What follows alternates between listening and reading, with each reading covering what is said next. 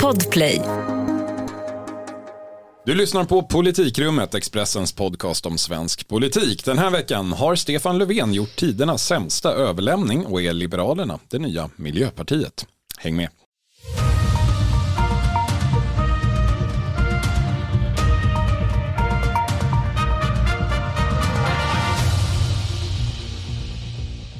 Ja, det är intensiva tider i politiken men vi har lyckats få till ett möte i politikrummet även den här veckan. Närvarande är Helena Gissén. Hej. Thomas Nordenskjöld. Hallå. Och jag, Viktor Bart Krom. Det är vinter, kallt och mörkt. Men om du känner att starten på veckan har varit trög för egen del, tänk positivt. Du kunde ha varit Magdalena Andersson. Tyvärr så har vi ju inte rätt ut alla detaljer och vi har inte nått ända fram.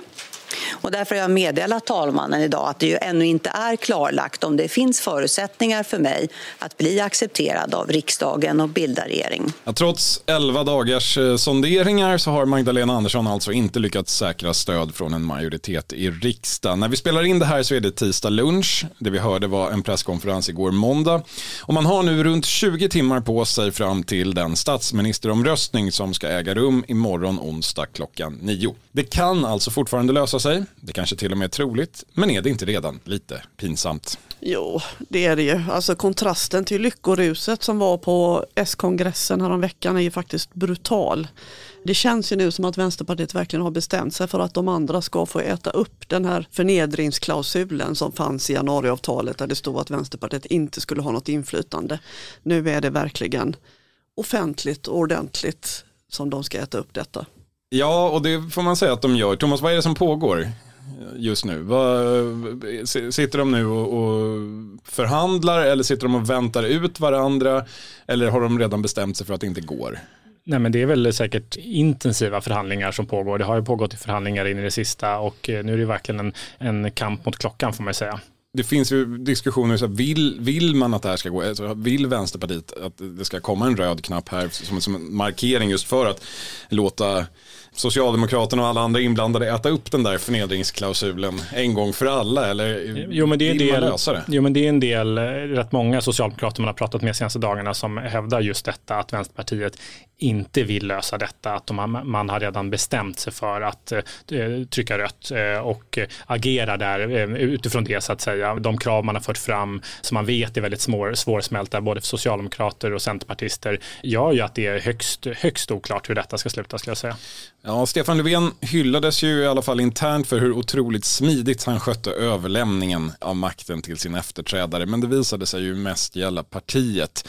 Där gick det jättesmidigt. Vad gäller landet så går det mycket mindre smidigt. Helena, man såg det inte komma den här gången heller. Är det en bra sammanfattning? Ja, det måste man väl säga att det är lite olika missbedömningar som Socialdemokraterna har gjort, tveklöst. Jag minns i somras då när Stefan Löfven meddelade att han skulle avgå, att Annie Lööf faktiskt var en av få som då varnade för att det skulle utbryta kaos. Hon sa att man kan inte byta statsminister mitt under behandlingen av budgeten och så vidare. Det visade sig att hon faktiskt mm. hade en poäng. Många trodde väl, tolkade väl det som att jaha, ska hon bråka igen? Det är väl bara att hon låter bli att bråka så, så kommer det bli smidigt. Men hon såg kanske något som många andra inte såg, nämligen att Vänsterpartiet kanske tyckte sig ha sålt sig lite för billigt där i somras. Jo och tog chansen när, när, när, den kom tillbaka och det, det, fick hon ju rätt i. Ja, men lite är det så att man har, liksom, det har byggt upp för den här stormen på något sätt och Helena var inne på den här förnedringsklausulen. Det är ju rätt många inom Socialdemokraterna idag som hävdar att, att det var ett misstag att skriva in den här punkten i januariavtalet att Vänsterpartiet ska hållas helt utanför.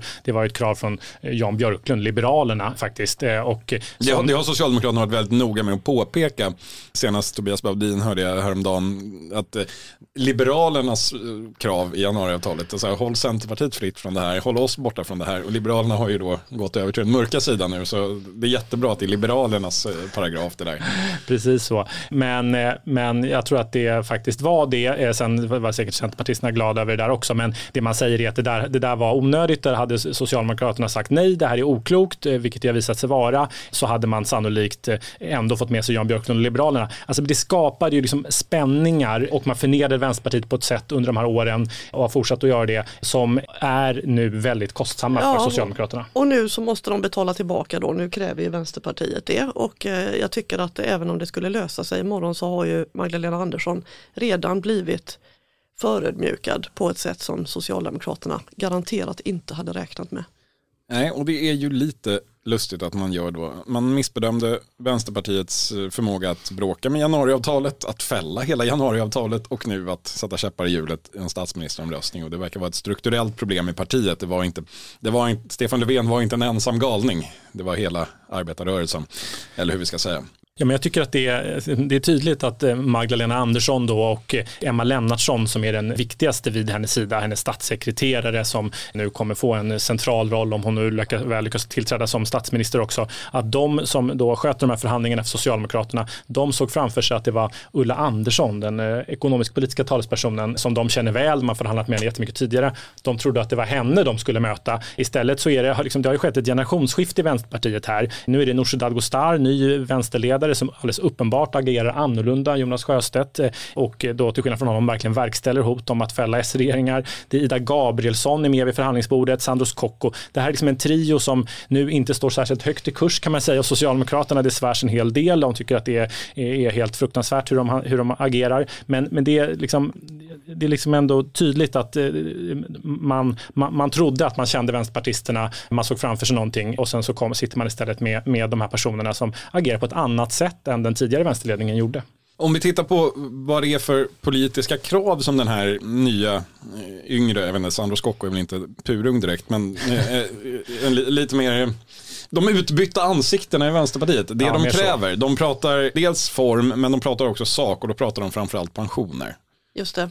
Det är ju så att de har krävt substantiella förbättringar för de fattigaste pensionärerna. De vill att man höjer garantipensionen. Det stod ju med på deras kravlista inför budgeten faktiskt att man skulle höja garantipensionen med 6,4 miljarder hade de tänkt sig. Det fick de ju inte igenom då och nu så tar de upp det här kravet igen. Och, alltså eh, budgeten som de inte har varit med och förhandlat ja, eh, eftersom Centerpartiet i så fall inte skulle rösta på den alltså framförde man sina krav på andra sätt. Exakt. Eh, och sen så fick man se vad som halkade in i, i regeringens budget som de alltså inte har förhandlat. Eh, bara så att vi har det rödgröna regeringsunderlaget i, i, i, i ordning, i sin oordning. Just Bra, det. Victor. Det här förslaget är det ju inte alla som gillar.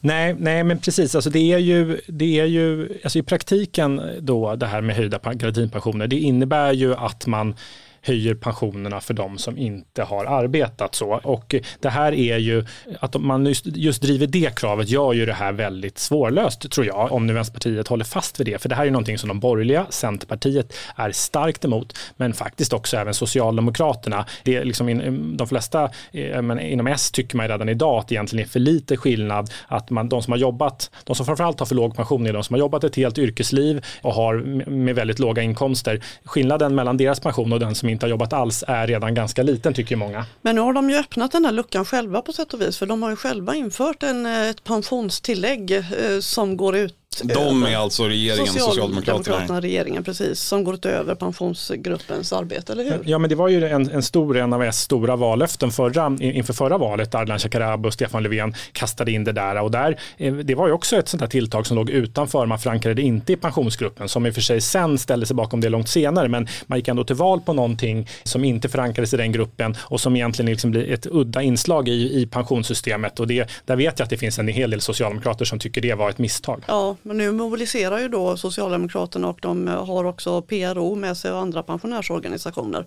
Igår så twittrade till exempel PROs eh, vice ordförande att det här är ett dåligt förslag just för att det är för liten skillnad mellan de som faktiskt har arbetat och de som inte har jobbat alls. Och det där twittrades ju naturligtvis ut, eh, retweetades.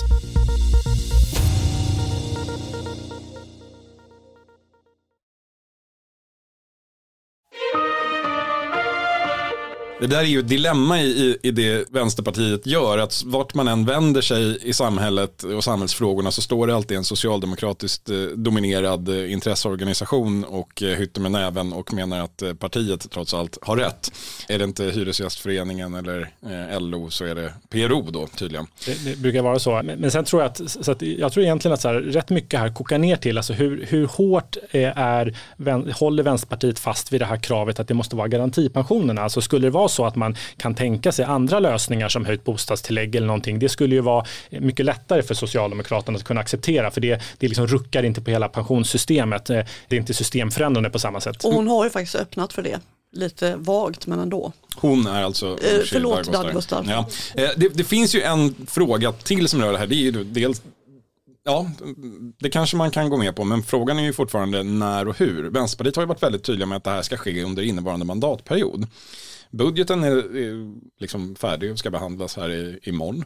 Det är vårbudgeten då vi tänker oss att allt det här ska ske i, eller? Ja, på något sätt eller någon tilläggsbudget, vi vet inte. Hon har inte mm. gått in på sådana detaljer, Dadgostar det är liksom, alltså jag kan inte detta på det i detalj hur det skulle kunna gå till. Jag förstår inte riktigt hur, hur, hur man skulle kunna få in en sån, ändå sån betydande förändring som höjda garantipensioner redan i en vårbudget. Man brukar inte ha sådana saker i vårbudget. Det är, det är lite speciellt. Det är mycket som är eh, utöver det vanliga nu för tiden i svensk politik i och för sig. En intressant detalj som ju kanske egentligen inte är en detalj i det här, eh, den kom ju upp på banan när Nooshi Dadgostar eh, träffade pressen igår går. Och det är ju det här att även om man kommer överens, om man teoretiskt tänker att man får med sig regeringen på att höja garantipensionen och kräver att få in detta i då exempelvis en vårbudget, så återstår ju detaljen att få det genom riksdagen, vilket förefaller tämligen vanskligt då eftersom Centerpartiet inte tänker rösta på en budget som Vänsterpartiet har förhandlat. Eh, om de inte gillar politiken då i alla fall. Det vill säga, det finns en ganska stor risk ur Vänsterpartiets perspektiv att man får med sig regeringen på någonting och så blir det ändå inte verklighet. Och eh, ställd inför, inför det scenariot eh, så fick Nooshi Dadgostar en fråga om det då och lät då snarare som att Ja men det, ja då får väl riksdagen visa sina kort och så får man se vilka som är för och emot höjda pensioner. Det lät ganska mycket som när Jonas Sjöstedt satte vinst i välfärden och Reepaluutredningen som sitt grundkrav på SMP-regeringen mandatperioden 14-18 som slutade i en proposition som följer riksdagen och eh, gick till handlingarna. Det är ändå något gammeldags vänsterpartistiskt i att eh, det viktigaste är att få Socialdemokraterna att lägga ett förslag. Eller eh, är jag ute och cyklar? Men det är ju liksom en väldigt stor, det vittnar ju om de här väldigt, liksom väldigt stora kulturskillnaderna som finns i, i, de, i, i de här partierna får man ju säga. Ja men och det, alltså, om man verkligen, verkligen hade som krav att någonting skulle hända den här mandatperioden då skulle man ju från Vänsterpartiets sida behöva kalla ut Centerpartiet på banan ordentligt och säga att ska vi tillsätta en socialdemokratisk statsminister ihop då så, så kräver vi att ni förhandlar med oss om det här. Men det gör man inte. Nej, men det sätter ju liksom någonstans, tycker jag, allt det här sätter fingret på liksom hur, hur, hur liksom orimligt det är man, man hanterar de här frågorna då när man sitter först hela hösten och förhandlar om förändring av strandskydd och, och så. Det har ju vår kollega Filippa Rogvall skrivit om hur det sannolikt finns en majoritet emot mot det förslaget som Centerpartiet får igenom. Om det är inte så att man lyckas köpa Vänsterpartiets stöd i de här förhandlingarna. Men att man sitter och har parallella förhandlingar med delar av regeringsunderlaget som den andra delen inte ställer upp på. Det blir ju, nej men det funkar ju inte och det är väl det som det blir plågsamt tydligt för många här att det är rätt dysfunktionellt. Och Centerpartiets roll i detta, de tiger som muren? Ja det gör de ju och eh, de är viktiga för Socialdemokraterna. Det är ju de som ska hållas på gott humör i första hand. Alltså jag tycker det är, det är liksom intressant eh, när man, liksom, man kan fråga sig hur, hur, hur klokt är det av Vänsterpartiet när man eh, liksom agerar på det här sättet. Det är ju, jag menar så sent som i våras så var det liksom en övergripande strategi som jag tolkade när man pratade med ledande vänsterpartister var ju att nej, man lyfte den typen av frågor. Man började prata om industripolitik eh, väldigt mycket och satsningar eh, i, ute i landet med infrastruktur och annat som var en typ av förslag som skulle vara liksom lättare för Centerpartiet att acceptera. Det långsiktiga målet var ju man insåg ju det att så här, för att vi ska, men alltså, man måste liksom få ihop det med Centerpartiet för att det här ska gå. Ha, liksom, man kan fråga sig, har man övergett den strategin? Det, det, det, lite tycker jag ändå att det, det liksom fram, framstår som det. Jag vet inte vad vet, ja, ja, det är möjligt att det fanns en sån långsiktig tanke, men jag tror att sommarens händelseutveckling stärkte nog inte den ambitionen. Alltså, I somras så fällde man alltså regeringen. Liberalerna lämnade regeringsunderlaget eh, som då blev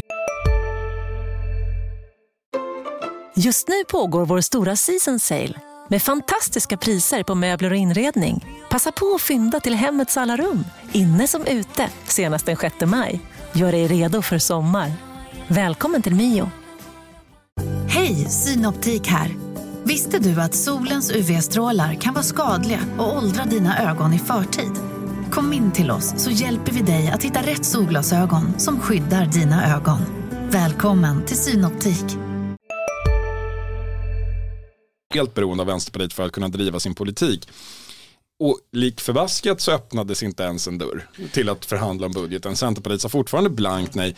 Alltså någonstans rann väl tålamodet ut där och jag tror att det handlar om fakta på marken inför valet också. Att om man accepterar att ha ett mycket begränsat inflytande nu, då blir det svårt att förklara efter valet varför man ska ha ett mycket större. Alltså man, man är rädd för att hamna i en, i en situation där, man, eh, där väljarna uppfattar det som rimligt att man blir överkörd. Alltså de flesta har ju ändå förståelse för att Vänsterpartiet kräver respekt för sina mandat. Det är ju egentligen så att de flesta accepterar det. Men samtidigt så blir ju det här en cirkus någonstans som ett högt spel som man undrar vem som vinner och förlorar på i slutändan. Ja, men, men sen skulle jag ändå säga att det liksom en konsekvens här som jag tycker är lite intressant, det är ju att om något så är min bild att det här har kanske svetsat samman socialdemokrater och centerpartister än mer, alltså irritationen i Socialdemokraterna, trots att det ändå är Centerpartiets krav om att Vänsterpartiet inte var med som är liksom en eh, grunden här för, för, för låsningen, så är det ändå så irritationen inom Socialdemokraterna riktar sig inte alls mot Centerpartiet utan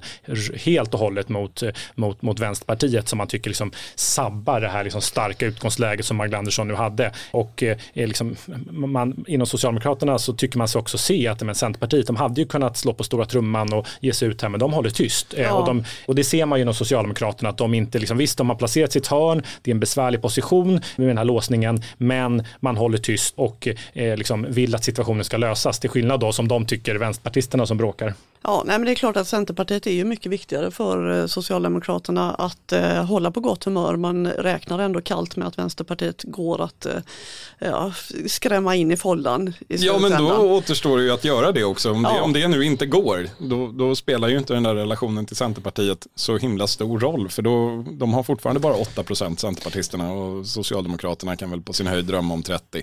Mm. Det är ingen riksdagsmajoritet. Men jag, jag, tror att man säger ändå det som lite styr Socialdemokraterna som skulle kunna tala för att det här inte går vägen imorgon onsdag är ju att Alltså att, att Vänsterpartiet trycker rött och fäller eh, Magdalena Andersson, det, det, det, är liksom, det är jobbigt, det är som vi har pratat det är förnedrande, men eh, det vore mycket värre för Socialdemokraterna om Centerpartiet gjorde det. Nu kommer inte de göra det, men hade de gjort det, det priset för det är högre. Alltså man, kan inte, man har redan tappat ett av de här borgerliga partierna som man började samarbeta med, tappar man även Centerpartiet, precis som du säger. Men det, då sitter man i en riksdag med, där man har nästan 60 procent emot sig. Det är lång, lång väg kvar till makten. Men det är också, vi måste ändå komma ihåg att här, elefanten i rummet är ändå Eh, en socialdemokratisk elefant. Alltså, hela den här cirkusen bottnar ju i att Socialdemokraterna eh, vill och försöker bilda regering. Gör anspråk på statsministerposten. Det är ingen som tvingar dem att göra det. De hade kunnat säga att Nej men vet ni, vi får inte ihop ett fungerande regeringsunderlag eftersom de två partier vi är helt beroende av eh, inte kan vara i samma rum. Det ena partiet kan inte rösta på något som den andra har fått vara med och bestämma. Det går inte att regera. Vi leder inte den största fungerande grupperingen i riksdagen. Vi kan inte göra det här. Det gör man inte, Thomas. Är man sugen på att göra det? Nej men det är ju, alltså det är ju tydligt, det tycker jag att många socialdemokrater lyfter det nu tycker jag, allt fler man pratar med, kanske inte de närmast partiledningen men ändå på höga nivåer, eh, liksom kloka personer i partiet som säger att så här, nej, men det här är ju en, en, en, liksom en, en stor svaghet som visar sig i hela strategin här, att man inte är beredda att gå i opposition. Alltså att man inte spelar ut det mot Vänsterpartiet till exempel, eftersom de andra partierna kallt räknar med på ganska goda grunder att Socialdemokraterna till vilket pris som helst, var en, hur förnedrande den blir, eh, så kommer man alltid vilja ha makten. Och med vilken politik Ja, det är väl det som Vänsterpartiet också räknar med. Men det är väl det, men hade det varit så nu att Magdalena Andersson, det hade varit väldigt intressant att sagt så här, nej men det här, det går inte, vi kan inte, vi, har liksom, vi kan inte regera under de här premisserna med det här icke-fungerande regeringsunderlaget, eh, med de här kraven och de här låsningarna. Vi, vi, vi går i opposition. Nej, men det, det, det, hade det vapnet, hade man spelat ut det så, så hade ju det kunnat få Vänsterpartiet att mjukna. För jag menar, det, alla förstår att det skulle bli en annan diskussionen här kring Vänsterpartiets roll i detta skulle bli en annan om det hela ledde fram till Ulf Kristersson. Ja, eller hur. Men det, det, det, visar väl också på en svaghet, eh, eller varför Socialdemokraterna inte riktigt kan göra det där. Dels vill de väldigt gärna regera, det vet vi. Men det handlar ju också om att vad är det de ska gå i opposition mot? Då blir det ju i så fall att de säger ja men det är bättre att eh, då får Kristersson och Sverigedemokraterna ta över här. För vi får inte ihop det eller vi tycker det här är för jobbigt.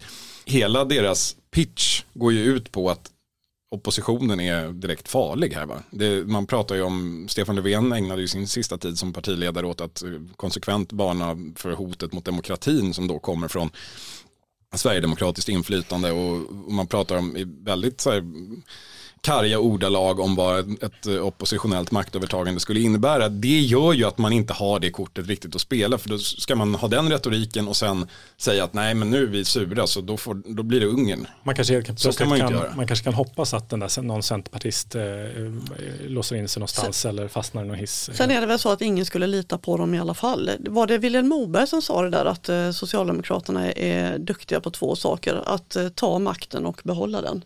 Och eh, det är ju så det är, de vill till varje pris regera. Men det är ju, jag tror också att det är, liksom, man måste komma ihåg det, det är liksom ett, de här oppositionsåren, de åtta åren i opposition när, under alliansregeringens tid, det, var liksom, det är något av ett trauma för partiet. Jag tycker mm. man ofta pratar med ledande socialdemokrater som eh, man, man, får ha anekdoter, de satt där med Lars Ohly och eh, liksom, ja, med miljöpartister och vänsterpartister inför valet 2010 på Bommersvik och det var, kändes så fruktansvärt deppigt och alla insåg att det kommer gå åt skogen och det gick åt skogen och så kom Håkan Juholt och det blev ännu värre. Det var bara sån ökenvandring och det där är fortfarande sådär aldrig mera. Eh, man är beredd att ta det väldigt mycket uppenbarligen. Eh, jag tror att det präglar ändå partiet lite. Ja, vi får se om det lyckas. Imorgon är statsministervoteringen alltså. Den första ska sägas. Det kan bli fler. Hur eh, tror vi att det går då? Eh, Thomas, du får börja. Oj nej, eh, jo nej men det, jag, tycker att det, jag tycker verkligen att det är genuint svårbedömt. Det är oerhört svårbedömt just nu. Just det här med det Vänsterpartiet, de krav de för fram gör, gör det svårast. Jag skulle ändå säga att huvudscenariot är att, det, att de ändå lyckas nu faktiskt. Att det, men, men, det är, det är ett litet huvudscenario. Men det är ett litet huvudscenario, 55-45 säger jag, för okay. att det löser sig. Helena? Det var ju så här igår på presskonferensen med Magdalena Andersson att hennes röst nästan sprack faktiskt när hon pratade om vilken fin förebild hon är för flickor som hon möter på stan. Vi kan faktiskt lyssna på det, vi har det med oss. Men med det sagt, det är klart, sen jag blev vald till eh, partiledare för Socialdemokraterna, det är väldigt många mammor och pappor som har kommit fram till mig med sina döttrar och sagt att titta det här är eller kan bli Sveriges nästa första kvinnliga statsminister. Och det är klart, när man tittar i ögonen på de här flickorna och märker att det väcks en tanke där det är klart att det bär jag också med mig. Och det är ju ändå så faktiskt att det har ett högt pris tror jag för Vänsterpartiet att rösta bort Magdalena Andersson under rådande omständigheter. Så att om du tvingar mig att gissa så blir hon vald imorgon. Men mina procenttal är 51-49. Det, det, det, här, det, här, det är ju någonting som händer här. Alltså det, Magdalena Andersson har ju nitiskt undvikit att använda sig av det här kortet, om vi kan kalla det så. Många andra socialdemokrater har gjort det, men hon har inte gjort det. Men nu eh, är, är uppenbarligen goda råd dyra och alla medel tillåtna. Och det säger väl också, det stärker väl din tes Thomas som att de kommer verkligen vilja vinna den här voteringen, trots allt. Så, så jag säger väl eh, 53-47 då. Det om framtiden. Vi ska blicka tillbaka också, närmare bestämt till helgen som gick i Linköping. Det var landsmöte för Liberalerna. Jag själv kom aldrig iväg på grund av en förkylning. Helena, du höll dig frisk och alert och var där. Hur var stämningen? Ja, jag kan ge en ögonblicksbild. Det var en av eh, Sabonis anhängare, tillika en av partiets mest framgångsrika lokalpolitiker, som ihärdigt försökte hälsa, säga hej till en av Sabonis motståndare en som till nyligen satt i partipresidiet kan jag nämna också. Men vederbörande vägrade verkligen, vände ryggen till, det var iskyla. Men i övrigt så skulle jag nog säga ändå att det var hyggligt god stämning. Ja, för det, det, det talades ju på förhand om en slutstrid i det tre år långa inbördeskriget då mellan vad vi kan kalla för ullenhagare och saboniter. Eh, och om det blev det så vann väl saboniterna då? Ja det gjorde ja. de ju. Efter beslutet i våras då eh, när de kom fram till att de skulle byta block då var det ju rätt många internkritiker som sa att ja men då driver vi det här på landsmötet istället. Men nu vann ju då partiledningens eh, linje. Utan Gan votering? Ja, ganska stort. Eller i alla fall inte med rösträkning. Nej precis och eh, det blev ju en framgång då för Nyamko Sabuni som dessutom fick, måste jag säga, ganska bra respons på sitt stora linjetal i lördags. Men den här vänsterfalangen då, hennes inget, kritiker. Inget landsmöte utan ett men. Nej, exakt. De, eh, när de förstod att de skulle förlora i själva den här huvudfrågan då, så gick de ju på sakpolitiken istället och där led ju partiledningen eh, rätt många nederlag i frågor som är viktiga för det här blivande samarbetet med Moderaterna, Kristdemokraterna och Sverigedemokraterna. Det var ju den ena frågan efter den andra kring kriminalitet och integration. Och så det var anonyma vittnen och det var visitationszoner. Och nej flera... till anonyma vittnen, nej till eh, visitationszoner, nej till det som Johan Persson, eh, alltså rättspolitisk talesperson, strax innan landsmötet hade lanserat, nämligen att de också skulle tycka att man ska kunna dra in medborgarskap för personer som döms för terrorbrott eller spioneri. Det är inte vilka det... frågor som helst det här, det är, liksom är ändå centralt kan man tänka sig det här nya samarbetet som ska till med, ja. med SD och M och KD. Man kan ju om man vill vara lite cynisk, lite nästan så här socialdemokratiskt maktorienterad ser det som att partiledningen har fått ett öppet mandat att förhandla och en massa sakfrågor att förhandla bort.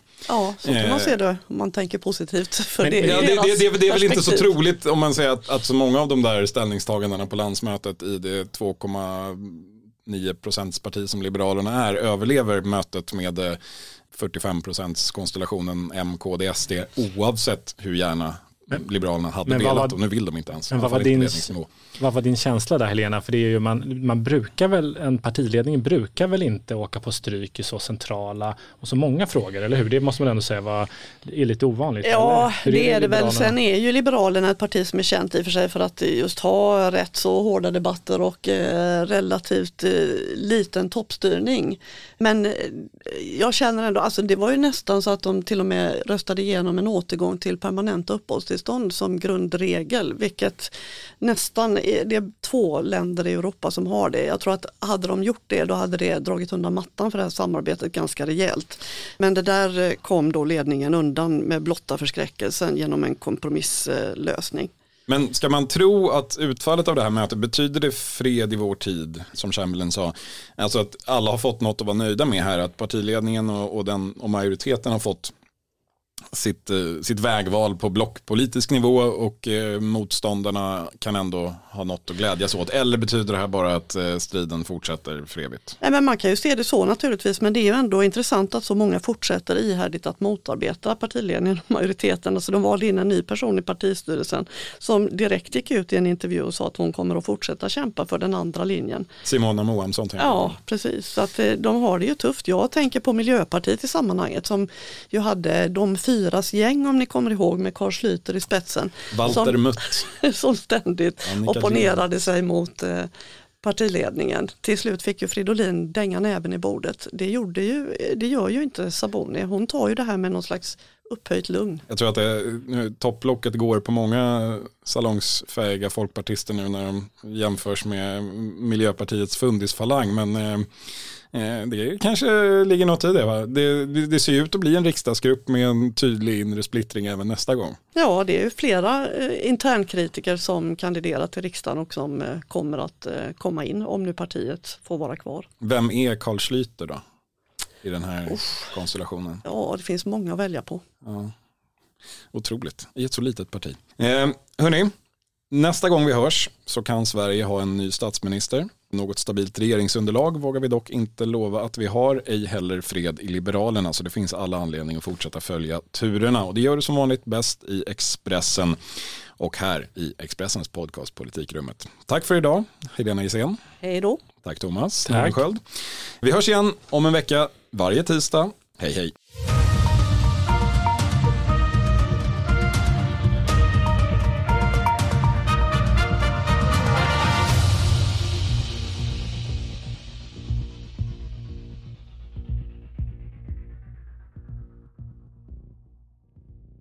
Du har lyssnat på en podcast från Expressen.